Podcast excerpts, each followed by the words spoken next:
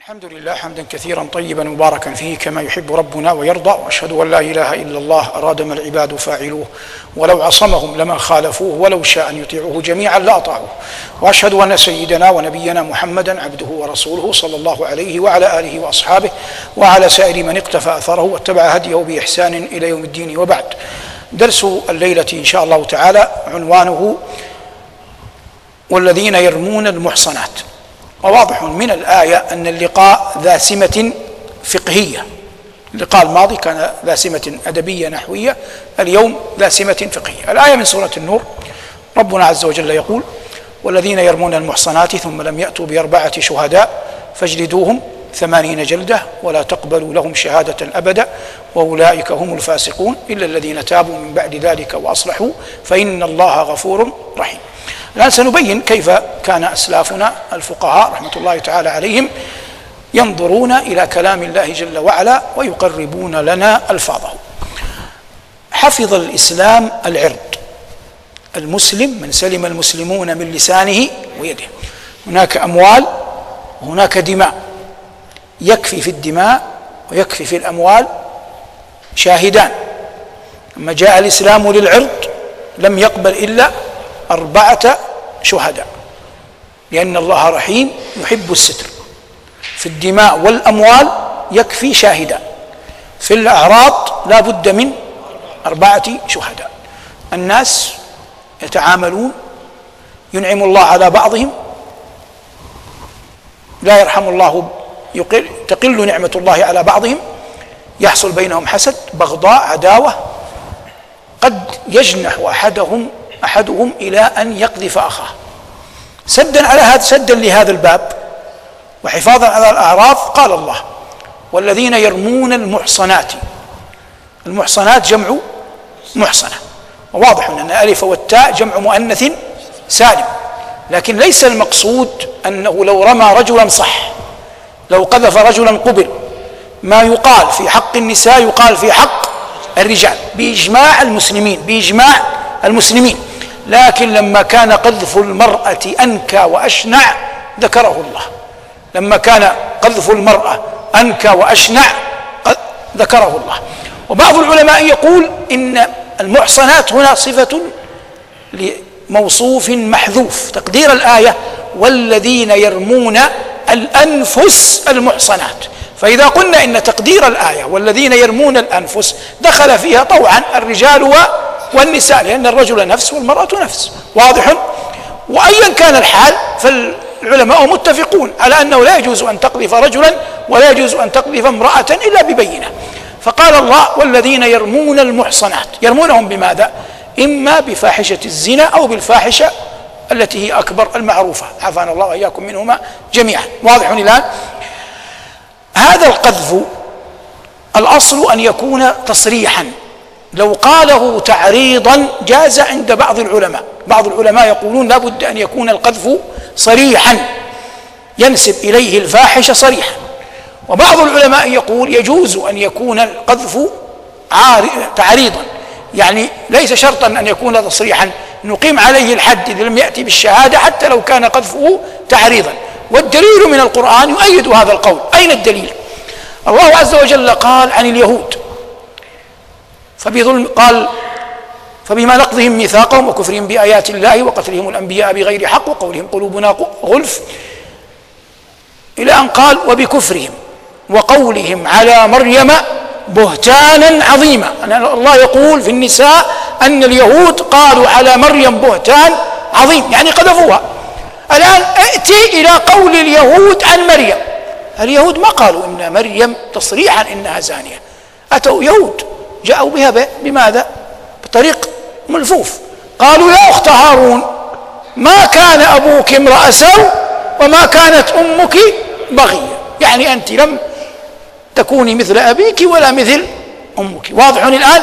هم لم يقولوا مباشرة إنها زانية. ومع ذلك سمى الله عز وجل قولهم هذا سماه بهتانا عظيما. واضح الآن؟ هذا دليل على أنه حتى لو قذفت قذف أحد ما عياذا بالله. تعريضا يعد هذا القول يقام عليه الحد لو أنه لم يأتي بالشهداء كما تأتي الآية. واضح الان تصريحا أو تلميحا والذين يرمون المحصنات ثم لم يأتوا بأربعة شهداء. والشهادة هنا يعني صعبة المنال صعبة أن تكون في عددها وكيفيتها وهذا الأمر يصعب التفصيل فيه. في كيفيتها وفي وفي عددها. عددها قال الله ثم لم يأتوا بأربعة شهداء. قال الله بعدها فاجلدوهم ثمانين جلدة هذا حد. فاجلدوهم ثمانين جلدة. لو أن رجلا مملوكا قذف رجلا كم يجلد؟ كم يجلد؟ رحم الله امرأ انتهى إلى ما علم. يقول بعض العلماء وهذا مرجوح يجلد أربعين. قلنا لماذا أربعون؟ قال لأن الله قال في حق الجواري فعليهن نصف ما على المحصنات من العذاب. واضح؟ واضح الآن؟ قالوا هذه مثلها. هل هي مثلها؟ أنا أسألكم لماذا ليس مثلها؟ لما عياذا بالله أحد يزني هذا انتهك ما بينه وبين الله. لكن عندما يأتي أحد ويرمي أحد هذا انتهك ما بينه وبين المسلم. الآن هذه جناية ليست فاحشة. هذا ماذا؟ جناية على هيئة فاحشة واضح؟ فالجنايات غير مسألة أنه ينتهك ما بينه وبين الله واضح؟ فهذا ليس مثل هذا. هذه جناية. فإن الإنسان الذي قذف يتضرر مثل لو قذفه أي أحد واضح الآن؟ فهذه جناية عليه فلا ينتصف الجلد هنا يبقى كما هو ثمانين هذا أرجح. وإن قال بالأول بعض أهل العلم. قال الله فاجلدوهم ثمانين جلدة. جلدة حيث اللغة تمييز. فاجلدوهم ثمانين جلدة ولا تقبلوا لهم شهادة أبدا. ثم قال الله وأولئك هم الفاسقون. إذا كم حكم؟ ثلاثة. يحكم عليه بالفسق.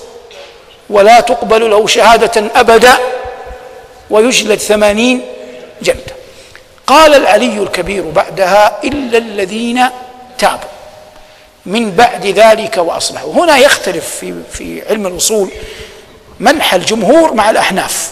منح الجمهور مع الأحناف. الأحناف يقولون إن الاستثناء إذا جاء هنا يعود على آخر شيء. والجمهور يعود يقولون على كل ما سلف. واضح؟ فعلى قول الأحناف ما الذي يصبح؟ ما يسمون فساق لكن ما تقبل لهم شهادة. لأن أولئك هم الفاسقون هي آخر وحدة. فقالوا إلا الذين تابوا يعني إلا الذين تابوا ما يسمى فاسق. لكن نبقى على الحكم الأول ولا تقبل لهم شهادة ابدا كما هي. والجمهور يقول إن إلا ما بعد إلا يشمل ماذا؟ يشمل الجميع. يشمل الجميع. يشمل أنه تقبل شهادته ولا يسمى فاسقا. بالنسبة للحد قد وقع لا يمكن رفعه. يعني إذا جلد فلا مجال للاستدراك لكنه لو تاب لو تاب قبل أن يجلد قال بعض العلماء بأنه لا لا يجلد. السؤال الآن كيف يتوب من قذف مؤمنا وندم وأراد أن يتوب؟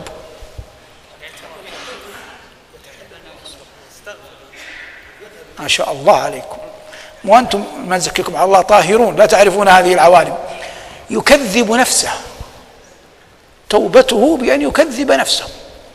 يعلن أمام الناس أنني كذبت على فلان وقلت فيه كذا وكذا. لا توجد توبة غيرها ولن تبرأ ساحة هذا المقذوف أمام الناس حتى هذا يعلن أمام الناس أنه عن نفسه أنه كاذب. لا بد أن يكذب نفسه ولا يذهب في الخلاء ويستغفر ويصلي ركعتين ويدي عمرة. ماذا استفاد هذا المقذوف؟ ما استفاد شيئا. لكنه ما دام قد قذفه لا توبة إلا أن يكذب نفسه. قال الله إلا الذين تابوا من بعد ذلك وأصلحوا. قال بعض العلماء وأصلحوا يعلنها إعلانا. لكن هذا من الأول. وإنما وأصلحوا يعني بدأ يعمل صالحات يكفر بها عن نفسه. لكن هل يرفع عنه الفسق؟ قلنا اتفقوا على أن الفسق يرفع عنه. الأحناف مع الجمهور. لكن هل تقبل له شهادة بعد ذلك؟ قلنا إن الأحناف يقولون لا تقبل له شهادة. والجمهور يقول له تقبل, تقبل له شهادة. الشعبي رحمه الله كان يقول سبحان الله يرد على العلماء. طبعا الشعبي رحمة الله عليه قبل أبي حنيفة لكن وجد هذا الرأي قبل أبي حنيفة. كان يقول سبحان الله يقبل الله توبته ولا تقبلون شهادته. هذا كلام جيد يعني. قال سبحان الله يقبل الله توبته ولا تقبلون شهادته. قال الله والذين يرمون المحصنات ثم لم يأتوا بأربعة شهداء فاجلدوهم ثمانين جلدة ولا تقبلوا لهم شهادة أبدا. وأولئك هم الفاسقون إلا الذين تابوا من بعد ذلك وأصلحوا فإن الله غفور رحيم. وقد جاءت هذه الآيات في مناسبتها توطئة بعد ذلك للحديث عن حديث الإفك وبراءة أمنا الطاهره المبرأة أم المؤمنين عائشة رضوان الله تعالى عليها. لكن المقصود من هذا كله ما يأتي. ينبغي على المؤمن أن يعلم أن أعراض المسلمين ليست بالأين بالأمر الهين. حتى ابن دقيق العيد رحمه الله كان يقول أعراض المسلمين حفر من حفر النار. أعراض المسلمين حفر من حفر النار. وبعض الناس أحيانا تغلب عليه الغيرة الحماس حسن الظن الخوف على المجتمع. فيأتي لبعض الأخوات المتلبسات بشيء من المنكر. ممن يتخذون طرائق كذا وطرائق كذا وطرائق كذا يعني هذا مسجد لا أستطيع أن افصح فيه. مجالات معينة. فتظهر المرأة متبرجة متزينة تلين في القول تتكلم مع الرجال يقع منها شيء من هذا. فهؤلاء البعض من الصالحين يجد في نفسه جرأة على أن يقذفهم ويجد في نفسه جرأة على أن يتهمهم. وليس هذا بالأمر الهين. المؤمن يبقى مؤمن مهما عظم ذنبه والمسلمة تبقى مسلمة مهما عظم ذنبها. وكما قلنا كما قال ابن دقيق رحمه الله قال أعراض المسلمين حفر من حفر النار. والعاقل وهذا نصح لي ولكم. لا تقترب من أعراض المسلمين في التهمة. لا تقترب من أعراض المسلمين في التهمة. فيسلط الله عز وجل عليك من لا يرحمك. وإنما كلما كان المؤمن يستر على المسلمين ويستر على المسلمات ويحفظ لسانه من الخوض في أعراض المؤمنين وأعراض المؤمنات. هذا أقرب إلى السلامة بل هو السلامة بعينها. وما يقع في المجتمعات أحيانا عن طريق التغريد أو عن طريق غيره أو عن طريق خطبة جمعة يغلب الحماس على الخطيب أو على المتحدث بعد الصلاة أو على الكاتب في صحيفة أو على المغرد في موقع أو ما أشبه ذلك. هذا كله لا يسوغ لك أن تدخل في أعراض المسلمين ولا في أعراض المسلمات. وهذه تحتاج إلى تجلد إلى صبر. لا تعتقد أن الدين محصور فيك وأنك إذا تلبست بشيء بالتقوى قد تكون هذه المرأة وهذا الرجل ربما ليس له ذنوب إلا هذه. ربما أن رزقه جاء في هذا الباب ولم يستطع أن يغالبه. ومن اقترب من مثل هؤلاء الرجال أو النساء قابلهم عرضا في مكان ها هنا أو هناك سيجد شيئا غير الذي يظنه بهم. على الأقل في أغلب أحوالهم سيجد شيئا غير الذي يظنه بهم. ولا تدري بما يختم لك وما يختم له. وإن الرجل ليعمل بعمل أهل النار حتى لا يبقى بينه وبينه بينه وبينها إلا ذراع. فيسبق عليه الكتاب فيعمل بعمل أهل الجنة فيدخلها. وإن الرجل ليعمل بعمل أهل الجنة فيما يرى للناس حتى لا يكون بينه وبينها إلا ذراع فيسبق عليه الكتاب فيعمل بعمل أهل النار فيدخلها. إن من الإنسان كلما أحسن الظن بالله أحسن الظن بالناس. والعربي يقول إذا ساء فعل المرء ساءت ظنونه وصدق ما يعتاده من توهم. لك الحق أن تنصح أن تأمر بالمعروف أن تنهى عن المنكر لكن لا تقترب من الخوض في أعراض المؤمنين. وهذه الكلمة التي قالها ابن دقيق العيد يعلم الله أنا كاتبها في مكان في مكتبي يعني أمامي. كلما قرأتها أتعلم أن لا أخوض في شيء من أعراض الناس. هو قال يعني من يخوض فيها؟ لكن لا داعي لما قاله لكن يكفي قوله أعراض المسلمين حفر من حفر النار. يخوض فيها حتى بعض أهل العلم بحجة الدفاع عن الدين والغير عن الدين وبيان قول زيد أو قول عمرو يغلب عليه الحقد يغلب عليه الحسد أو يدخلها شخص يقول في طوائف من مجال كذا ومجال كذا ولا يبالي ألا تراها متبرجة ألا تراها ألا تراها هذا كذا هذا كذا لا يبالي بالكلمة. وهي أعراض محفوظة الله أعلم بحال أصحابها. والنبي صلى الله عليه وسلم يقول غفر الله لبغي من بغايا بني إسرائيل لأنها سقت كلبا وقد قلت مرارا في هذه المساجد وفي غيرها. هذه البغي التي غفر الله لها عند الناس ما زالت بغيا. ماذا يدري الناس أن الله غفر لها؟ وهي عند الله مغفور لها. فالإنسان يتوخى أن يقع في عرض أحد. اختلف مع زيد أو عمرو معي معك اختلف كما شئت لكن لا تقترب من الأعراض ولا من الديانة ولا من الخوض في النيات. هذا شيء لم يطلعك الله عليه ولن يسألك الله جل وعلا عنه. حفظ الله أعراضنا وأعراضكم ووفقنا وإياكم لكل خير. صلى الله على محمد وآله والحمد لله رب العالمين.